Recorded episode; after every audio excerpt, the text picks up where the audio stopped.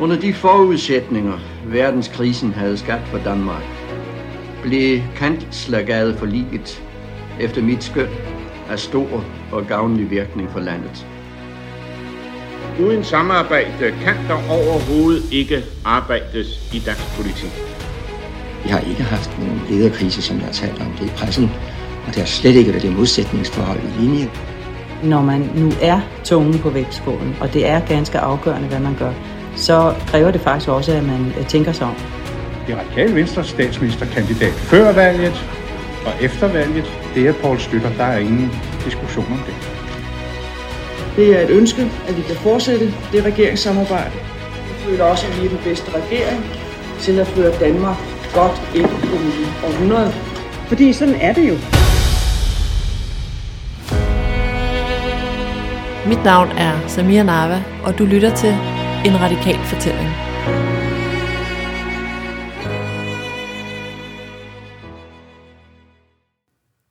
Jeg er i dag i København, nærmere bestemt i Skinnergade, og øh, det er fordi, jeg skal mødes med Bjørn Elmqvist, som har kontor her i Skinnergade. Og øh, selvom han er 82 år gammel, øh, så praktiserer han stadigvæk som advokat. Bjørn Elmqvist han er også øh, tidligere journalist og tidligere folketingsmedlem.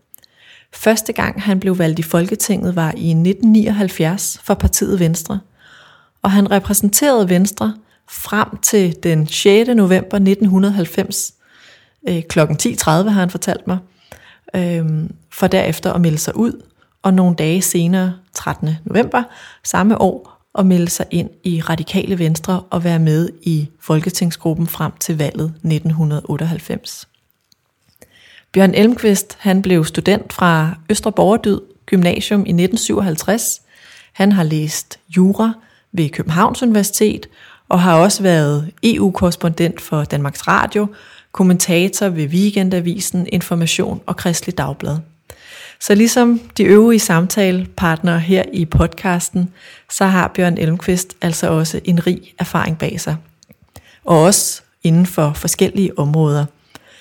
Men en ting, som altid har gjort sig gældende for Bjørn Elmqvist, det er, at han altid har været socialliberal.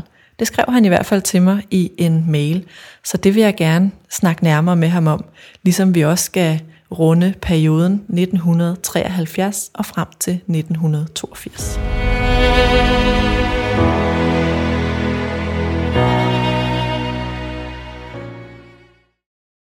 Hej Bjørn. Hej. Tak øh, fordi du har sagt ja til at deltage i den her podcast om den radikale fortælling.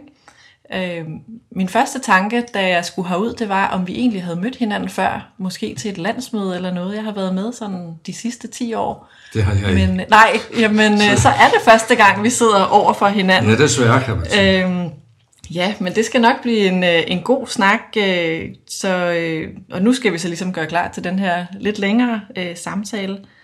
Og jeg har fundet øh, et interessant øh, fact om dig, som jeg vil høre, om du lige vil sætte nogle ord på. Fordi i 1995 kunne jeg læse mig til, der blev du kåret som årets modigste politiker. Øh, og for sådan en, et nyslået folketingsmedlem som mig, så kunne jeg jo godt tænke mig at vide, hvad skal der til for at, at blive årets modigste politiker? Ja, det var i og for sig ikke noget, jeg prøvede på at, at angle efter. Men øh, jeg var formand for retsudvalget, øh, og jeg var øh, retsordfører for det radikale venstre. Vi havde allerede der opgør med Socialdemokraterne om øh, udlændingepolitik. Man havde hentet Aarhus' øh, tidligere borgmester, Torgild Simonsen, ind, øh, som forstærkning på indrigsministerposten. Det var ham, der havde ansvaret, og den minister, der havde ansvaret for udlænding. Og de ville indføre integrationsydelser, og de ville begynde at, at, at, at, at udvande de rettigheder, som var ifølge udlændingeloven. Og det var noget, det radikale venstre der stod meget fast på, og, og, og, og jeg var så en af dem, øh, der, der gik i spidsen med, med det, vi skulle sige. Øh, samtidig øh, var der kolossale øh, øh stramningsønsker øh, hos den socialdemokratiske regeringspartner. Øh, Frank Jensen for eksempel, der var justitsminister, Poul Nyrup Rasmussen, de gik meldte ud om, om, om krav om, om strengere straffe, fordi der var begået en forbrydelse, som var ubehagelig og bestialsk, men øh, så ville de bruge den som anledning til at, at, at, at ændre strafloven. Og det øh, stillede jeg op, mig op imod og sagde, at det gør vi ikke på den måde. Der skal være savligt belæg for det, og, og vi mener ikke, at man bliver øh, Øh, at man øh, undgår øh, øh, forbrydelser. Vi kan ikke straffe os ud af de problemer. Og den tredje ting, der gjorde, at jeg øh, havde snuden frem på den måde, og fik snuden frem, det var det, der var foregået ude på Sankt Hans Torv øh, efter øh, Maastricht-afstemningen, hvor der var øh, voldsomme optøjer, hvor der var gadekampe mellem øh, en masse politifolk og også uropatjente på den ene side, og så nogle demonstranter, øh, der stod op på Sankt Hans Torv, og der blev kastet med brosten, og der blev skudt i alt 119 øh, skud fra politiets side. Nogle af dem ramte mængden, og der udfoldede sig så en diskussion, som jeg deltog i, om det var forsvarligt, det politiet havde gjort, og der skulle sættes en undersøgelse i værk, hvad det var, der var foregået. Den officielle forklaring var, at politiet havde skudt advarselsskud op i luften, og oppe i luften havde deres projektiler ramt brosten, og derfra rikochetteret ned i Ned i folkemængden. okay. Og det var naturligvis en logisk forklaring, som alle måtte sige ja til, og det gjorde jeg ikke. Nej, det var en kreativ og, forklaring. Og de her ting, det gjorde, at uh, politiet udtog stævning mod mig, fordi de mente, at jeg, uh, at jeg fremsatte uh, strafbare sigtelser mod dem og uh, injurier, og uh, der havde vi så en retssag kørende, som endte med, at de måtte blive omfældige fordi de kunne se, at de kunne ikke vinde den sag. Så du sad som retsordfører og havde en retssag kørende, øh, mens du var i Folketinget? Ja, det, det jamen, var en civilsag, det var ikke ja, en strafsag. Nej, ja. Nå, ja, nå, men det... Øh, så jeg var, jeg, jeg var mod. jamen ja, det må man sige. Det vil jeg da også... Øh, det, det er da bestemt øh, den pris værdig.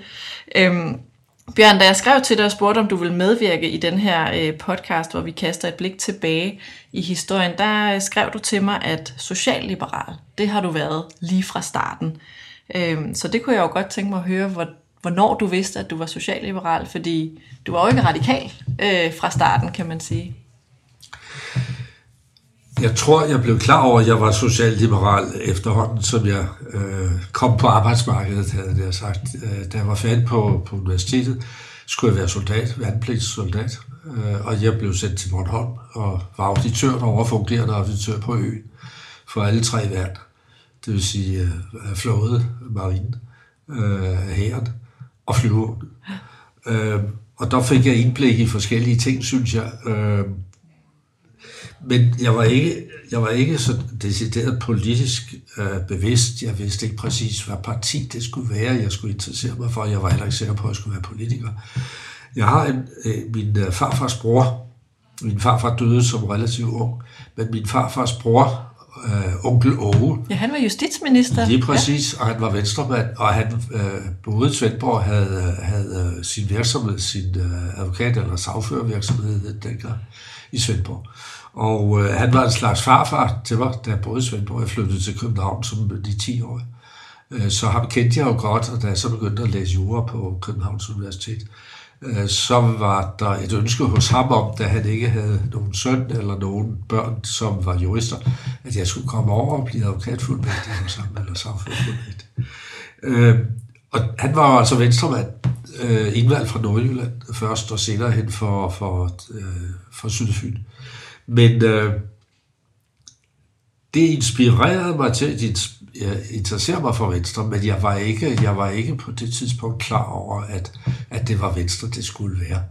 Det, som slog hovedet på sømmen, mener jeg, det var, da Anker Jørgensen, øh, Socialdemokrat, øh, øh, Socialdemokratiets formand, og Paul Hartling, der var formand for Venstre, gik sammen og lavede den første både arbejderregering, der har været, og den eneste, der har været nogensinde i Danmark. Og det var i 1977. Og da jeg så i 78, øh, så bliver jeg kontaktet øh, fra forskellige politiske partier, fordi jeg sad og, og, og var tv-avisvært, og, og på den måde jo altså kendte i hele befolkningen, og meget populær. Jeg var højt på listerne over tv-favoritter. Så der var mange, der gerne ville bruge mig som stemmemagnet. Nå, der så du har, der er simpelthen flere partier, der måske lige har ragt ud og... Ingen nævnt, ingen glemt. Okay.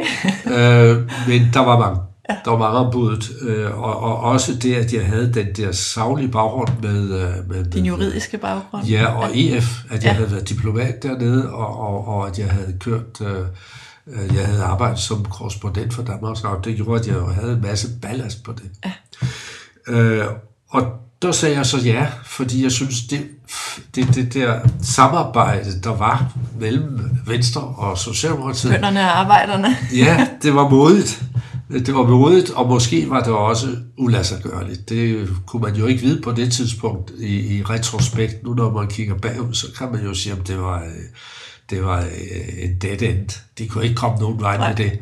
Men øh, det var det, der var de gældende øh, og herskende omstændigheder, da jeg i øh, sommeren 79 siger ja til at lade mig opstille i den samme valgkreds, hvor min onkel Ove havde været opstillet oprindeligt, oppe i Nordjylland. Du har virkelig gået i hans fodspor, må man sige, både øh, i forhold til det juridiske og, øh, og folketings... Øh ja, græs og, og parti også. Ja, det kan man sige. Mm. Og deroppe øh, var der altså også en, en, en række sociale problemer. Øh, der, var, der var mange ude på landet, der havde det svært. Øh, øh, I hele Nordjylland sammen, der var masser af folk, der, der, der havde store sociale problemer.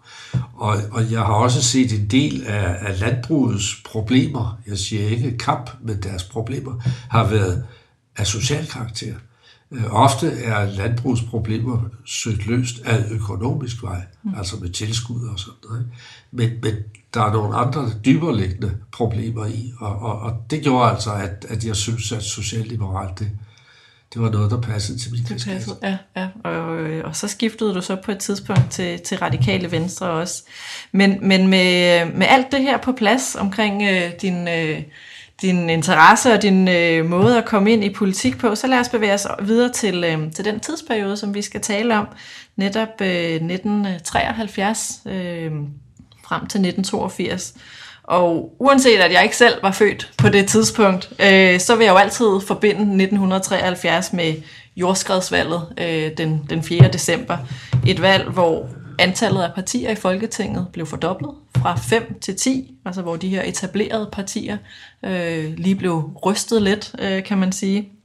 Øh, men jo også et valg, hvor øh, man især husker det for Fremskridtspartiet, der stormede i Folketinget med 28 mandater.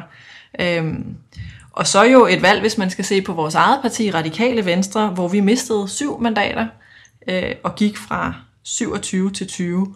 Øh, og man kan også sige, at med udgangspunkt i, i de år, jeg har været aktiv i Radikale Venstre, så det at sidde øh, med 20 mandater, det er stadigvæk øh, et, øh, et flot valg, men altså på det her tidspunkt, så gik vi så fra 27 til 20.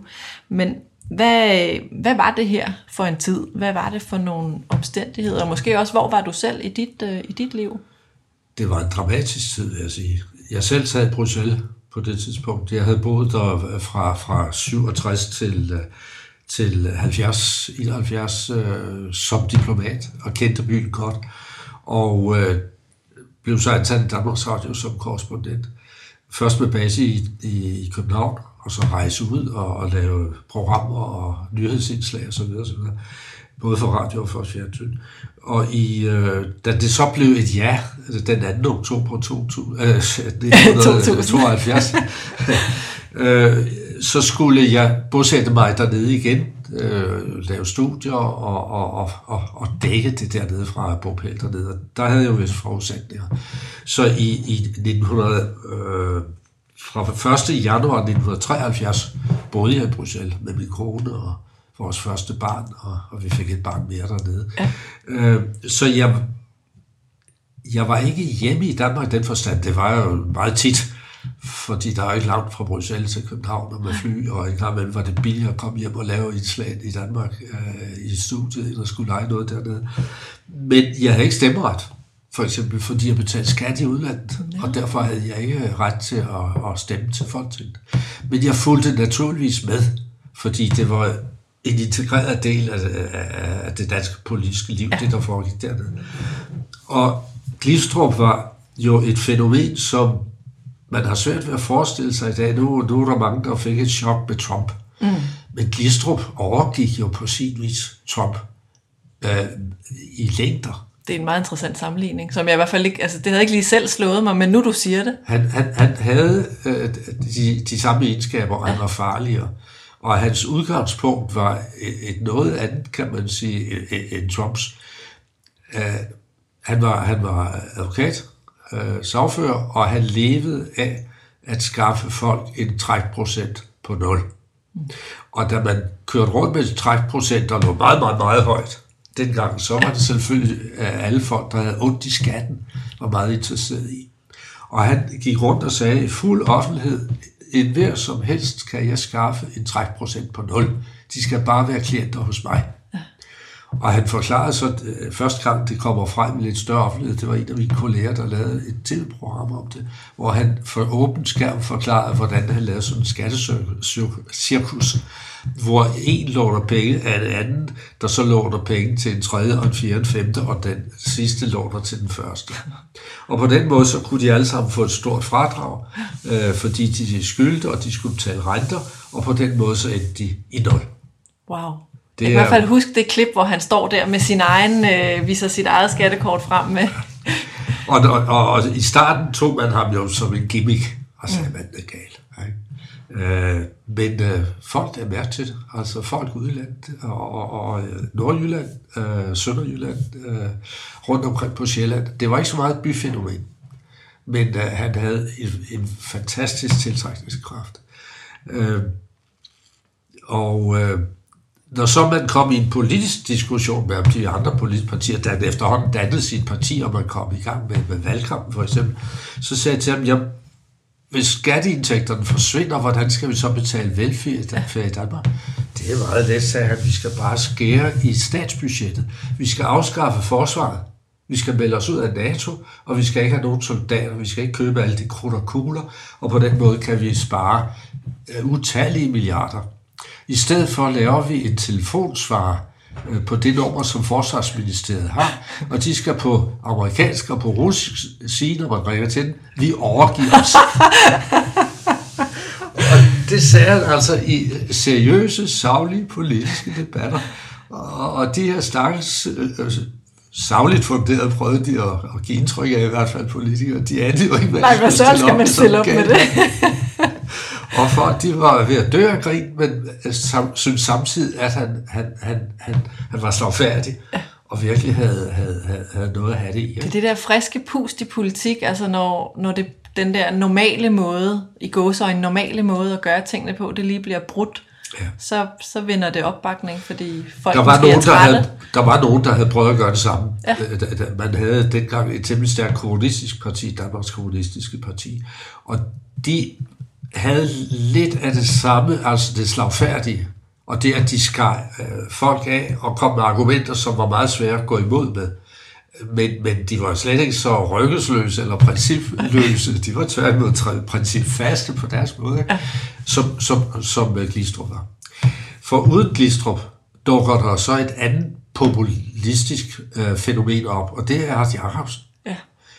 Og han var dengang borgmester i Gladsaxe, meget, meget populær. Han fik drønende stemmeprocenter derude, også til folketingsvalget. Og, øh, Centrumdemokraterne. Centrumdemokraterne ja. stiftede han. Ikke? Øh, og og, og øh, han havde også et enkelt budskab, og han tog fat i højrefløjen hos Socialdemokratiet og rystede dem, og, og, og de fulgte hans mindste væk. De to poler der, de to øh, øh, øh, centre der, Glistrup og Erhardt, de rystede altså den politiske grundvold. Jeg har godt set uh, billeder, hvor de sådan ligesom sidder sammen, og det er jo, det er jo næsten som om det er aftalt, ikke? At, uh, at, at de to fører sig frem på, uh, ja, på hver deres uh, mærkesag. Det er rigtigt. På et, et, et senere tidspunkt, da jeg selv var kommet i Folketinget, og det har nok været i 80 eller 81, øh, der havde jeg vælgermøde i det nordjyske med Glistrup, fordi det var en af de bastioner, han gerne ville vinde, og jeg havde enormt mange personlige stemmer derop. Jeg tror, jeg havde 25-30.000 personlige stemmer. Wow. Øh, og, og, og øh, derfor fandt Fremskridspartiet ud af, at de gerne ville have en duel mellem ham og mig. Ja. Øh, oppe på øh, Hjalrup Kro, der hvor der er, er hestemarked, eller kædemarked, som man kalder det. Ja. Hvor man er vant til klovner og alt muligt. Ikke? Nå, men det var vel også en slags klovneri, så. Ja, det var det nemlig. Og jeg kan huske, at vi kom ind på krogen der. Jeg kendte ham jo fra Folketinget, hvor vi gik op og ned af hinanden. Men øh, han kom med en rejsekuffert, og øh, vi sad ved siden af hinanden, og der var en ordstyr mellem os. Vi, vi havde sådan et bord foran os. Og der stablede han op fra sin kuffert øh, 10 eller 15 øh, årgange fra Folketingstiden Okay. med faner lagt ind. 3-4 faner i hver af dem. Og øh, vi kom jo i gang der, og vi snakkede om dit og dat, og han havde sine uhyrlige påstande, og jeg prøvede at tilbagevise dem, og jeg var vant til at være på direkte tv, så jeg havde sådan set ordet min magt, ikke? og prøvede på at være næsten lige så fræk som ham, men, men jeg syntes jo stadigvæk, at jeg skyldte at have mit savlige grundlag ja. i orden. Og han kom med en masse ting, øh, postulater, og så sagde han, det passer ikke, hvad du siger, Måns, det der, det er ikke rigtigt, det der. Det har du ikke belæg for. Og øh, jeg tænkte flere gange, øh, nu skal jeg være lidt forsigtig, for hvis ikke jeg 100% kan det der citat, han sidder med, uden at være sikker på, at det er det rigtige, så slår han jo nok op i en af de der bøger, og læser op og afslører mig for åbent tæppe som en, der ikke har styr på mine ting. Han gjorde det ikke en eneste gang. Ikke en eneste gang. Du har styr på det. Måske, da vi var færdige og, og, og, og sad og fik en øl bagefter, øh, fordi han var sådan set øh, selskabelig eller social, var han, var, en, var en spændende fyr, han var intelligent som bare helvede, han det sagt. Jeg også skulle spille skak med ham en gang. Nå, Ude hvem vandt? Virum Torv. Jamen, det blev Remi. Vi havde sådan nogle mandshøje brækker, vi gik rundt og sagde. Øh, Men han, han, han var virkelig skrab. Men der sagde jeg til ham, alle de bøger der, hvorfor i al verden har du slæbt dem herover? Du brugte dem jo, jo ikke i en skab. Så sagde jeg, ved du hvad, der er nogen, der lader sig imponere af det, og de tør slet ikke bestride, hvad jeg siger, Ej. fordi de tror, jeg kan vise alt det der. Ej. Men du lod dig ikke lure. det er altså en god historie. Men han var, han var ryggesløs, han var uden moral, vil jeg sige. Ja. Han, han, han, Hvornår blev han optaget af, altså fordi det er jo noget af det, som jeg øh, husker mest, altså uden at, at det er jo ikke min egen hukommelse, men noget af det, som man har hørt mest om, det er jo hele det her et muhammedanerfrit Danmark, og øh, altså modstanden mod øh, muslimer og indvandrere. Hvornår, øh, hvornår var det, det begyndt at fylde noget? Det begynder at fylde noget, da han kommer i Folketinget, og da vi i juni øh, 1983 vedtager den første, øh, den der udlændingelov, Ja, udlændingeloven, hvor ja. jeg som Venstres ordfører fra talerstolen sagde, at dette er en af verdens mest liberale udlændingelov. Det er flot, vi vedtager den. Det kan vi komme tilbage til lidt senere, hvorfor vi vedtog den, og hvad baggrunden var for, at jeg overhovedet kunne få Venstre til at stemme for det. Ja. Men, men øh, der begyndte det at komme, og der sagde han, de her Mohammedanere, de formerer sig som rotter. De skal ud. Og, og, og det var så tæt på øh, 2. verdenskrig, der var så mange mennesker, der stadigvæk kunne huske den sprogbrug øh, ved en aktiv erindring. Der var så mange i live stadigvæk, der havde oplevet 2. verdenskrig og besættelsen og jødeforfølgelsen. Så det skurede i manges ører. Efterhånden er der desværre alt for mange i Danmark, som ikke synes, det var redselsfuldt at sige. Ja, det er jo i hvert fald en, en sprogbrug, som man kan være lidt overrasket over, men omvendt jo også, ikke på samme måde, men jo i hvert fald noget af tankegangen har vundet, vundet indpas. Det må man sige. Og brugen af ordet danskere. Ja, bestemt. Ja, Ja, ikke? ja. Det havde de monopol på dengang, fordi ja, bruge nationalitetsbetegnelser på den måde. Hvorfor kan vi ikke bare sige vi eller folk? Og det kan være, at der er nogen her i Danmark, som ikke er danske statsborgere, Ja. som man så på den måde skræller af.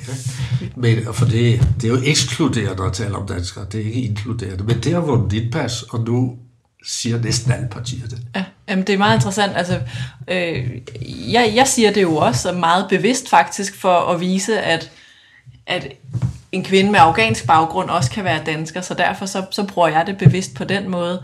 Men øh, Marianne Hjelved, øh, hun, øh, hun siger nogle gange til os i Folketingsgruppen, husk nu at sige borgerne, fordi Ja. det er langt mere inkluderende, og det har hun jo sådan set øh, ret i. Moren til nogle af mine børnebørn, hun er ikke dansk statsborger, hun er fransk. Ja. Og hun er mørk i løden, fordi hun og hendes far kommer fra Burkina Faso.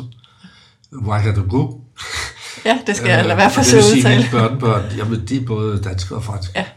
øh, statsborgere. Øh, Jeg er meget, meget på agt over for det der, at vi sørger for at være inkluderende. Og der bor, og bor i Danmark i mange Ja. år. Ja. Men øh, Glistrup var et uhyggeligt fænomen, og han ryddede jo altså bordet. Han Fuldstændig, det man virkelig tæsk. Ja. Og hvis vi ser på det radikale venstre specifikt, så hæfter jeg mig ved, at da Hilmar Bavnsgaard var statsminister, der var øh, radikale venstre op på 27 mandater. Mm. Og i løbet af 6-7 år var man nede på 6 mandater. Ja. Det er jo altså en... en, en, en øh, Ja, folketingsvalgene, de, de kom sådan lidt med to år i mellemrum. Ja. Øh, så der var, øh, ja, så var der jo valget her i, øh, i 73, hvor Radikale Venstre blev reduceret fra 27 til 20 mandater. Og så var der endnu et valg øh, to år senere ja. i 75, øh, hvor vi blev reduceret til, øh, til 13 mandater. Ja, og ryger så kom, på seks. Jamen, så kom nemlig valget igen to år senere i 77, ja. hvor vi kom ned på, øh, på 6 mandater. Ja. Det var der Svend Havgård var, var, var formand. Ja, det er Og rigtigt. det var svært at overtage efter uh, Hilmar Bavnsgaard, for Hilmar Bavnsgaard var jo fantastisk En helt anden karakter, ja. Ja, han var altså meget savlig og, og, og rolig, og, og havde alle de uh, egenskaber, som Glistrup ikke havde. Mm. og, og han tiltrak mange stemmer. Han tiltrak mange stemmer, men da så han øh, ikke var statsminister længere, og den effekt forsvandt, ikke? og han også trak sig tilbage, så var det svære tider. Og det var Niels øh, Helve Petersen, der så overtager der i, øh, i 82, tror jeg. ja. Og så begynder det at gå lidt fremad, men jo aldrig op på 27 igen. Nej, altså det er jo som om, at partiets naturlige leje nu, det er de der øh, 9, øh, 9-10, ikke? og så ved, ved rigtig gode valg, så kan vi svinge os op på, øh, ja 16 var det her ved seneste valg, men også øh, 17 mandater har vi også set. Men, men hvad var, altså hvad kunne radikale venstre så øh, i, i en Jamen, tid med dårlige valg de, på hinanden? de politiske, det politiske landskab var besværligt, og de problemer, som man stod overfor, var øh, enorme. Øh, man havde en statsgæld, der var stor. Man havde hvert år underskud på vores handelsbalance. Det vil sige, at vi importerede mere, end vi solgte. Eksporterede. Øh, vi havde pristalsreguleringer, så øh, lønmodtagere de fulgte trit, øh, men inflationen var høj. Den var over 10 procent. Det var altså to cifre. Øh, og det vil sige, at det var en, en, en uheldig cirkel, hvor, hvor prisstigning og inflation øh, jagter øh, løn, og hvor løn så stiger. Og når lønnen stiger, jamen, så påvirker det priserne, fordi omkostningerne for erhvervslivet stiger og stiger. Ikke? Og, og, og det var en meget ond cirkel at være i. Samtidig sker der det i 1974, eller 73 faktisk, at energi, energikrisen bryder ud. Ja. Meget dramatisk. Ja, Anker Jørgensen var trods valget, og det, at han så trådte tilbage senere hen og Hartling og lavede den smalle venstre regering, øh, så var, var Anker Jørgensen fungerende statsminister øh, og afholdt et EF-topmøde, det hed faktisk et concilium, hvor man skulle sidde og rådgive hinanden om, hvordan man skulle komme videre, og der startede man så på at lave halvårlige topmøder efter det. Men der var Anker Jørgensen vært her i København ude på Bellacenteret, det gamle, ja ude på Bellerhøj. Øh, og det var den 14. december, og jeg husker tydeligt, fordi jeg var taget hjem til København for at dække det her fra og være vært på dækningen af det her topmøde. Og, og, og samtidig kom alle OPEC-landene, de arabiske olieproducerende og eksporterende lande, til København og installerede sig på et hotel her, jeg tror det var et af SAS-hotellerne, øh, og, og øh, kidnappede, hijackede, det var det udtryk, vi brugte, jeg kan huske BBC, der sendte meget dramatisk her fra København direkte, how they hijacked the EEC Summit. øh, der hed det EEC. øh, og de to dagsorden, der sad øh, Anker Jørgensen og skulle prøve på at få de her statsledere til at, øh, at øh, forholde sig til de fremtidige mødeplaner og mødeforer osv. Og og de havde knivet på struben, fordi OPEC-landene satte olieprisen op og ville endda stoppe olietilførselen, og vi var meget, meget afhængige af olie. Så det vil sige, hele energisektoren i alle landene i det vestlige øh, Europa og i, i, i USA, de havde knivet på struben. Det var meget øh, dramatisk. Vi indførte bilfrie søndage, mm. hvor det var forbudt at køre, for eksempel, hvis ikke man havde en særlig tilladelse til og det var sådan set de ydre politiske øh, omstændigheder, både øh, kan man sige, hvad, hvad det globale angik, og hvad det indre angik. Der var økonomien virkelig på dagsordenen. Og, og havde radikale venstre nogen særlig rolle øh, her, eller prøvede man ligesom at, at pleje et parti, der var for nedadgående på det tidspunkt, eller kunne De, man også ligesom stikke ind i, man, i den Man prøvede på debat? at placere sig og, og bygge bro mellem øh, opfattelserne. Mm. Ikke? Fordi øh, Socialdemokratiet var, var meget afhængig af fagbevægelsen. Der var en LO-formand, der hed Thomas Nielsen, som har et berømt udtryk, hvor han på et tidspunkt sagde, at vi har sejret af helvede til. Og det er rigtigt, at fagbevægelsen havde en kolossal indflydelse på den socialdemokratiske regering. Anker Jørgensen kom jo også fra, fra, øh, fra Specialarbejderforbundet 3F, øh, eller hvad det hedder i dag. Og øh, derfor var der meget, meget stor indflydelse på, på, øh, på øh, Socialdemokratiet fra fagbevægelsens side. Det prøvede de radikale på at vriste dem ud af, vriste dem fri af, og det var meget, meget svært. Det var der ikke ret mange socialdemokrater, der kunne se nogen interesse i. Og, øh, øh, og samtidig øh, var, der, var der nogle skygger, der kastedes fra VKR-regeringen, øh, hvor øh, Venstre og især konservative var meget forskrækket over det, der var sket. Det var Venstre og konservative, der blev straffet ved øh, VKR-regeringen, da, da, da den ophørte, hvorimod de radikale lige efter øh, høstede en gevinst ja, i kraft af, at Hilmar Bagsgaard havde været statsminister. Så jeg vil sige, at det radikale venstre sad på det tidspunkt som en lus mellem to negle. Mm. Der var også det overordnede, det sikkerhedsmæssige øh, forhold mellem øst og vest. Og der skal man jo være opmærksom på, at det her, det var da den kolde krig rasede, og vi boede et par hundrede kilometer fra jerntæppet. Der er alligevel ret mange øh, store begivenheder, både i indland og udland, der har, øh, der har formet øh, den her periode, som, øh, som vi to vi snakker om. Den er dramatisk, når det må man, man kigger sige. bagpå. Ja. Sådan følte vi det ikke hele tiden, men, men hvis men man der lever man det, vel bare det, der er. Ja, Ja. Det gør man. Og som, som nyhedsjournalist, øh, det var jo så dengang, og kommentator, der, der, der var det jo spændende. Jeg skulle til at sige, så var det måske ligefrem det, der, der satte krydderi på, øh, på hverdagen, og, og gjorde, ja. At, ja. at arbejdslivet også blev spændende. Men det politiske, det var svært at få til at hænge sammen. Ja. Det er også derfor, som du sagde for lidt siden, der var valg hvert andet år. Det ja. var der jo også op igennem 80'erne. Det var urolige tider, og, og, og det politiske mønster, det var, det var i opbrud. Men dog må man sige, at det må normaliseres lidt hen over årene. Folk forlod igen Fremskridspartiet. I et vist omfang i hvert fald. Op igen 80'erne blev det tydeligere og tydeligere. Du nævnte øh, før øh, udlændingeloven af 83, øh, og, øh, og det var, øh, der var du øh, gjorde en indsats for at få Venstre med ombord på det. Vil du ikke øh, fortælle lidt mere om det? Ja, det synes jeg er meget interessant sådan her i lyset af, hvor meget udlændinge jo også fyrer. øh, det har været en katalysator for dag, de sidste fire sige. år ja, ja, politik i Danmark. Øh, det ligger lidt uh, uden for tidsmæssigt. Vedtagelsen uh, af udlændeloven uh, sker altså i juni 83, ja. så vi ligger lidt uden for det her. Men, men, men optakten var der uh, allerede i året inden da. Og, og da jeg kommer i Folketinget i 79 fra Venstre, uh, får jeg meget hurtigt etableret et meget fortroligt og snævert øh, venskabeligt øh, samarbejde med Bernhard Bagsgaard. Ja. Bernhard Bagsgaard, som var tidligere rektor på øh, Aarhus og bror til Hilmer. Øh, Bernie the Bloodhound blev han kaldt, fordi han, han bed sig fast. Øh, han var meget, meget stadig i en øh, folketingsdebat for eksempel, og han holdt fast og bed til og blev ved indtil der kom blod, og indtil han fik resultater. Han havde nogle kæpheste, som han kørte, som havde med menneskerettigheder at gøre.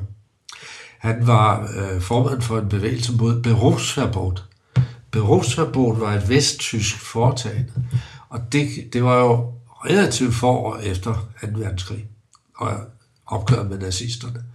I Vesttyskland øh, var man kommunistforskrækket. Mm. Og man kunne ikke få et job i det offentlige, som postbud for eksempel, hvis man var medlem af Kommunistpartiet, eller var venstreorienteret. Der var forbud mod visse erhverv. Beruf betyder erhverv på ja. tysk, og verbot, det er forbud. Det er forbud ja. Berufsverbot. Og det var Bernhard stik imod. Og med god ret. Med god ret. Og jeg var også dengang meget optaget af menneskerettigheder.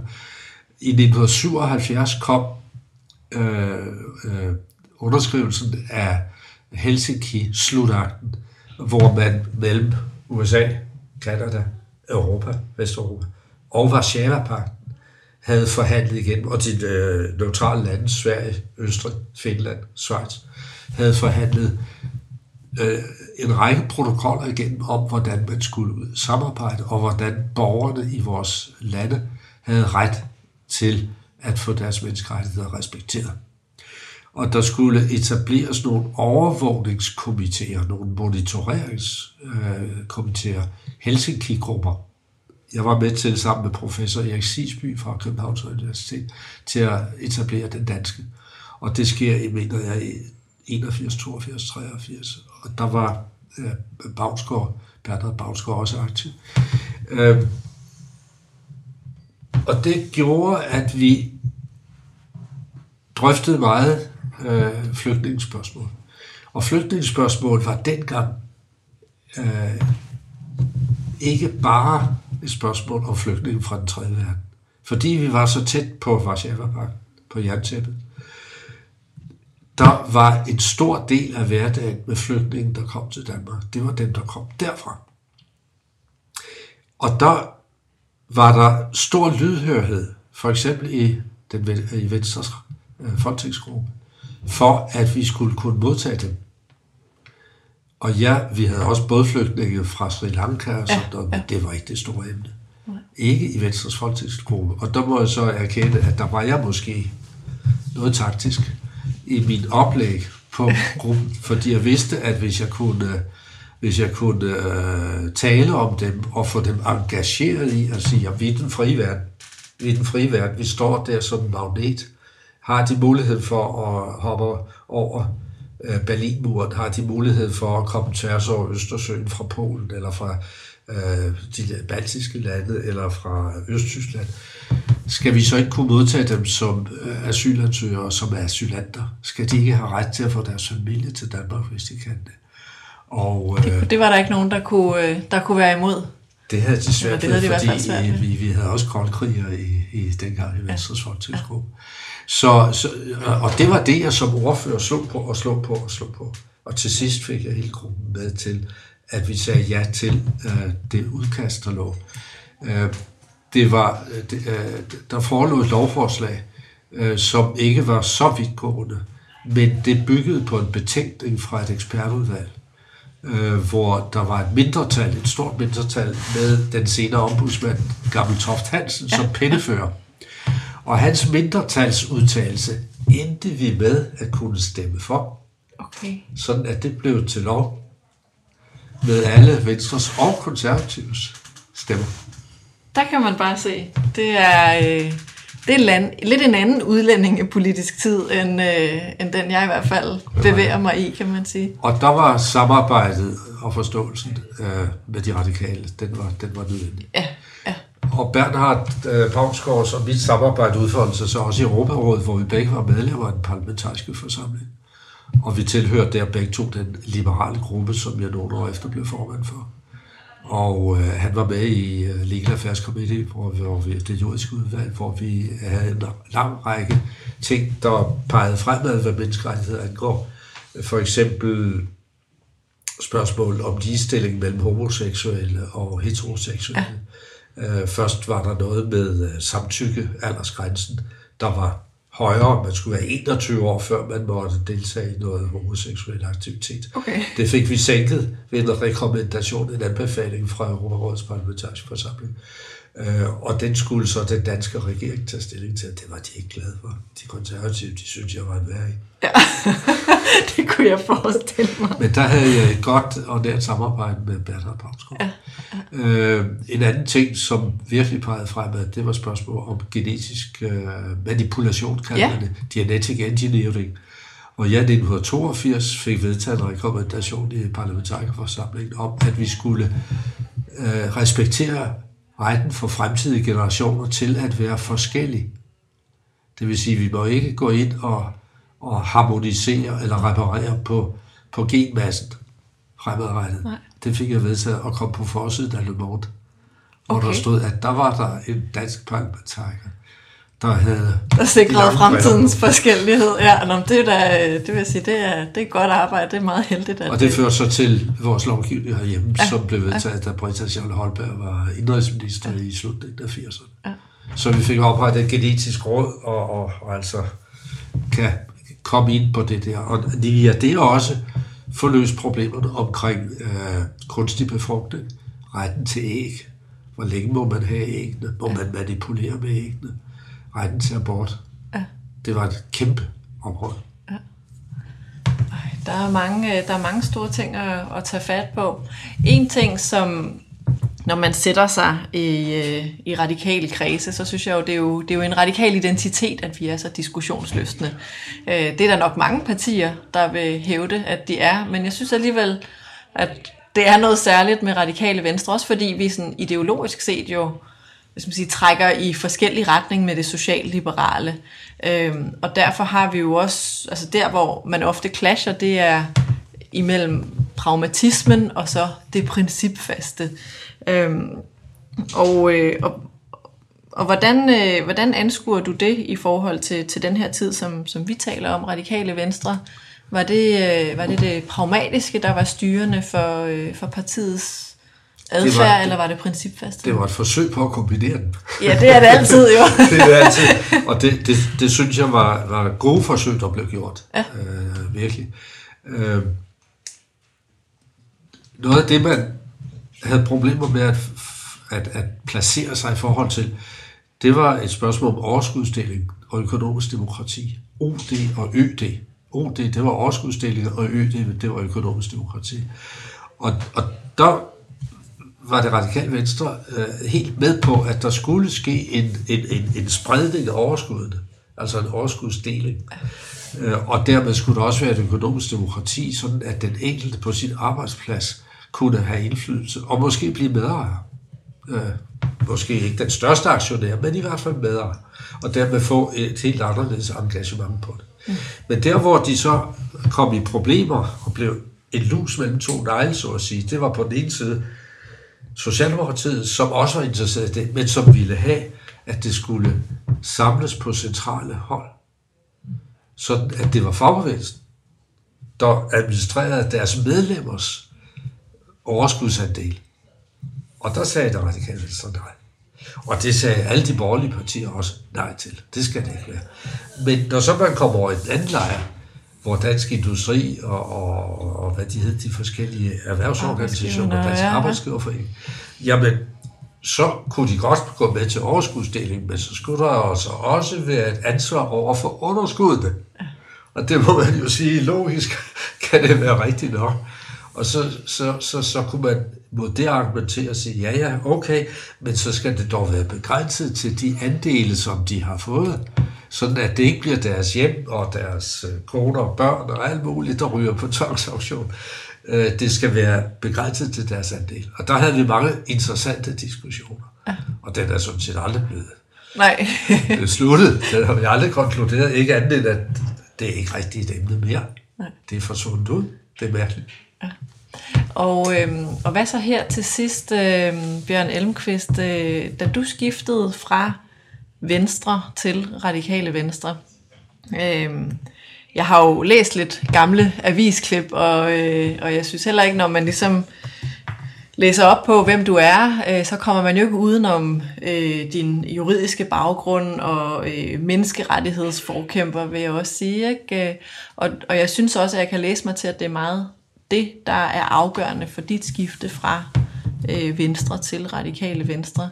Hvis du skulle sætte øh, nogle ord på, øh, på dig selv i forhold til det pragmatiske over for det principfaste, øh, er der så en, er der en balance, der tipper til den ene side, eller hvordan? Så, så er det principfaste, Ja, der, jamen, det var også sådan, jeg over. havde læst dig. Fundamentalisten i mig.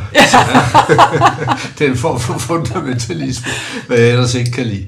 Fundamentalisme skal man altid være forsigtig på. øh, Man skal være tolerant. Ja. Men skal man tolerere de intolerante? Det er så også det svære. Men øh, det er rigtigt. Og det, der var helt konkret anledning, det var altså Tamilsagen. Fordi øh, jeg havde min gang, øh, daglige gang, stort set, over i Justitsministeriet hos Nette Hansen, som jeg personligt kendte vældig godt. Vi havde været i Europarådet sammen, før han blev minister.